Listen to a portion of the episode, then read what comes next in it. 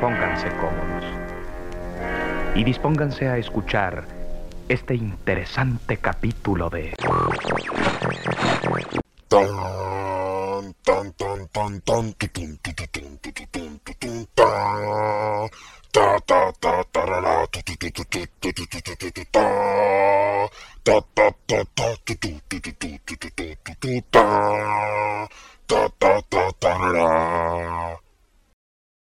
Este es el podcast de Mauri.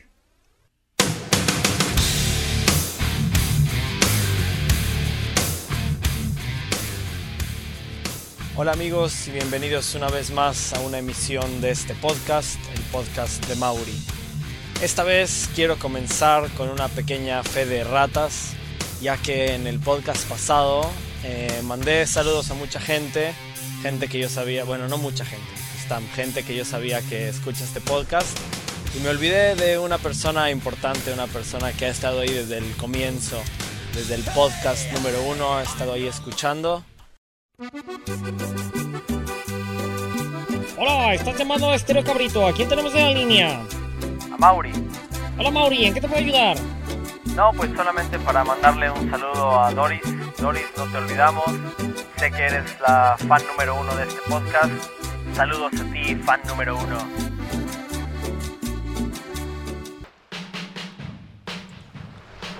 No, pero ya en serio, eh, sí quiero agradecer a las pocas personas que me mandaron un mensajito ahí en el Facebook, que respondieron la pregunta de si les gustó o no, o que me mandaron un email por ahí comentando, o también las mentadas de madre que recibí por no mandar saludos a todas las personas que les tenía que mandar saludos. Pero bueno, el día de hoy en este podcast les quiero hablar sobre mi último viaje, sí, uno más, esta vez a el interesante y horroroso país de Polonia. La razón de mi visita a Polonia fue que iba acompañando un grupo de chavos de Abonim Dror que iban eh, a aprender sobre el tema del holocausto, el tema de los pinches nazis bastardos, la Segunda Guerra Mundial eh, y sobre todo la vida de los judíos en esa época eh, durante la guerra y durante el holocausto, el exterminio, ya sabes, cosas bastante heavies que todo el mundo de verdad tiene que aprender sobre eso porque es increíble, esa es la palabra correcta, es increíble lo que pasó ahí y es importante educarse para poder educar sobre eso y que no vuelva a suceder. Y una de las cosas de las que mucho hablamos durante todo el viaje fue sobre un triángulo. El triángulo en el que una punta es eh, la víctima de lo que pasó en el holocausto, otra punta es el victimario, el agresor, y la otra punta es el testigo, ¿no? Es eh, ese testigo que juega un papel muy importante, que puede deformar el triángulo irse en una dirección o en la otra, o sea, se puede convertir en parte del victimario o puede tratar de ayudar a la víctima o puede permanecer eh, completamente en silencio en un lado, pero que eso también es tomar una postura. Y en cada lugar que visitábamos, en cada campo de exterminio que llegábamos, en cada ciudad, en cada gueto que visitamos, hablábamos sobre ese triángulo y sobre el papel de, esos tres lados de, del triángulo. La última noche estábamos en la ciudad de Cracovia, en el centro, los chavos tenían tiempo libre para cenar, quedamos una hora de encontrarnos de nuevo. Eh, nos encontramos y empezamos a caminar todos juntos hacia el camión para volver a nuestro hotel porque al día siguiente volveríamos a casa. Y en el camino de regreso, mientras estábamos caminando, eh, íbamos todos en un grupo muy grande, cuando de pronto que salió corriendo de un bar que estaba del lado derecho. Salió corriendo un tipo, pero hecho la duro.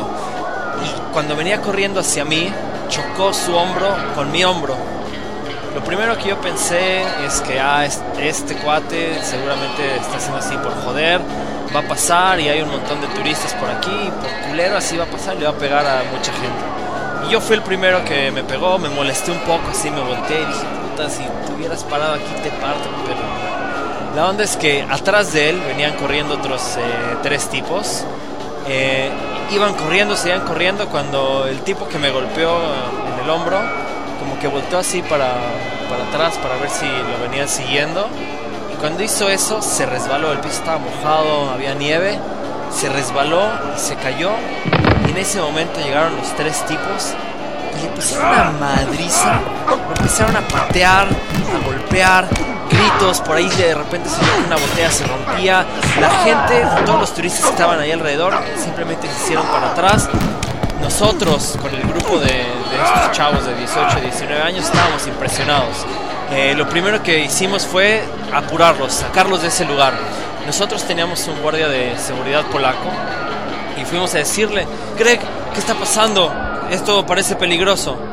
A lo que Greg respondió, no, no se preocupen, esto es normal, pasa todos los días. Y mientras él decía eso en un tono calmado y mientras nosotros seguíamos caminando, había un tipo que estaban pateando en el piso, sin piedad. Vi un tipo que medía como 1,95, una cosa así, que llegó a pisarle la cabeza. Le patearon el estómago, en la espalda, las piernas. Yo no sé si esa persona sigue viva. Con la patada que le puso en la cabeza, no sé si, si sobrevivió. Y la pregunta del triángulo resurgió.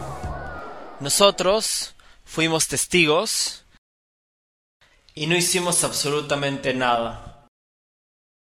Nuestro guardia polaco, que estaba armado, por cierto, armado hasta los dientes, también decidió ser solamente un testigo y no hacer nada. Y el no hacer nada, de cierta forma, es estar del lado del victimario, del lado del agresor, porque no hubo quien defendiera que tal vez se, merecía la madriza que le estaban poniendo, pero era fue un poco abusivo. De verdad que puede ser que este chavo esté en coma o por lo menos tiene huesos rotos, si no es que murió de todos los golpes que le pusieron. Y eso me hizo a mí sentir bastante mal, porque regresando a la idea de triángulo, yo de cierta forma me convertí en un cómplice, en un cómplice de ese victimario que fue y le partió su madre, o de esos victimarios que fueron y le pusieron una maraca durísima. A este cuate yo no hice nada, eh, porque no podía hacer nada. En ese momento mi responsabilidad era la gente con la que yo iba, tenía que asegurarme de que llegaran al camión, de que nadie fuera lastimado, de que nadie se fuera a meter en la pelea. Y entonces eh, yo hice lo que el guardia de seguridad me dijo sigamos adelante, llevamos a los chavos al camión y nos vamos de aquí. Pero la sensación que me quedó, esa imagen que tengo grabada en mi mente de este chavo tirado en el piso cuatro o cinco personas alrededor suyo pateándolo y un tipo pisándole la cabeza, es algo que no me voy a sacar tan fácilmente. Y es algo que cada vez que piense de hoy en adelante en Polonia, esa imagen va a venir a mi cabeza. O sea que obviamente que la imagen de Polonia para mí, si no era muy buena por todo el tema del holocausto, ahora es mucho menos. Y si en el podcast pasado yo hablaba de que los madrileños eran secos y que eran mala onda, bueno, eso era porque no me acordaba de los polacos. Si los madrileños son no muy buena onda, los polacos son los culeros. Los polacos son los peores hasta ahorita. Puede ser que de aquí a unos años tal vez pase por Alemania y entonces se les esté hablando en este podcast de los alemanes o cuando vaya algún día a Sudamérica, pero no, en Sudamérica generalmente son buena onda. Los polacos son culeros, para que me entiendan. Y bueno, es hora de lo que les quería hablar en este podcast sobre la violencia. Eh, tal vez hacer un llamado, órale, me imagino como si estuviera en la televisión eh, dando un mensaje presidencial.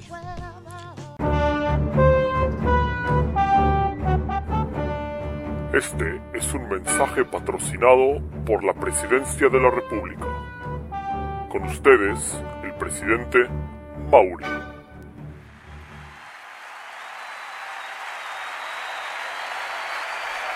Compatriotas, los invito a todos a la unión de nuestro país, a abstenerse a la violencia.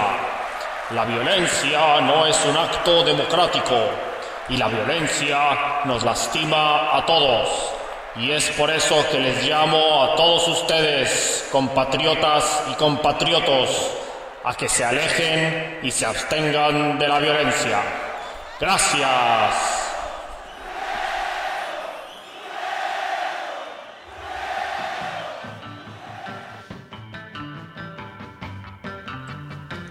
Y en sí, pues ese es básicamente el mensaje que les quiero pasar. La violencia no es buena, la violencia pesta, la violencia nunca nos va a llevar a nada productivo ni constructivo. Así es que si hay algo que ustedes pueden sacar de este podcast es decirle no a la violencia. Y bueno, ya en serio me empiezo a despedir. Eh, ya no mando saludos porque ya vieron lo que pasó entre el podcast anterior y este podcast. Así es que mejor eh, ya no mando. Eh, lo que sí es que otra vez les quiero agradecer mucho a todos los que se toman la molestia de bajar este podcast. Eh, y agradecerle mucho más a las personas que se toman el tiempito de hacer una llamada telefónica, mandar un email, mandar un mensajito y decir eh, lo que les pareció. La verdad es que esos comentarios que ustedes me hacen me alientan para poder seguir haciendo estos podcasts. Sigo en las mismas, se me están acabando las ideas tuve la oportunidad de viajar y por eso es que me han pasado cosas que les puedo contar. Pero en el día a día no me pasan así muchas cosas. O sea que si no me mandan una idea pronto, puede ser que el próximo podcast se tarde meses o años en salir. Así es que ya saben, no solamente depende de mí, también depende de ustedes. Gracias otra vez por escuchar esto. Recuerden meterse a mi página de internet que no la estoy actualizando mucho, pero ahí pueden encontrar eh, los links a, todos estos podcasts, fotos, videos, hay un montón de cosas. La dirección es www.mauweb.net. Eh, y mi Facebook, busquen MauriNet, así es, mi nombre en internet. Eh, y bueno, otra vez gracias, un saludo general para todos ustedes.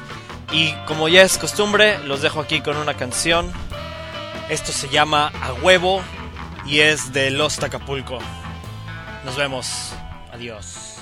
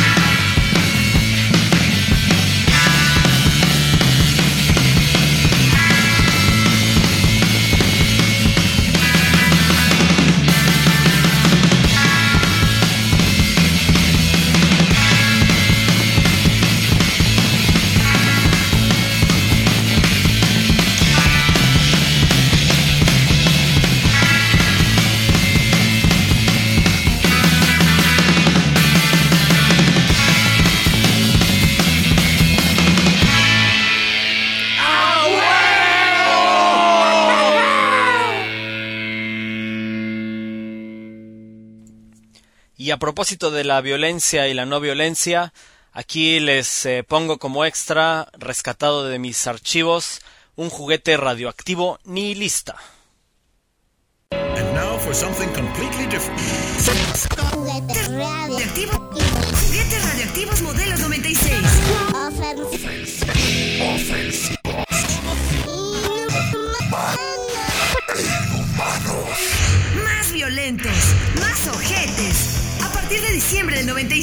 No incluyen baterías, se vende por separado. Preocupados por encontrar un muñeco que no sea bélico, violento o agresivo, Radioactivo te presenta a la sensación de la temporada. ¡Es el muñeco bobón! Llévalo a pasear, enséñalo a bañarse, ayúdalo a vestirse, pídele consejos. Bobón no hace nada. Bueno, cuéntale tus sueños, mételo a la cama, hazle cosquillas. Sacúdelo, aviéntalo y lo que sea. Bobón no hace nada. ¡Aliméntalo hasta rellenarlo! ¡Dale de beber hasta que reviente! ¡Grítale, aplástalo! ¡Insúltalo!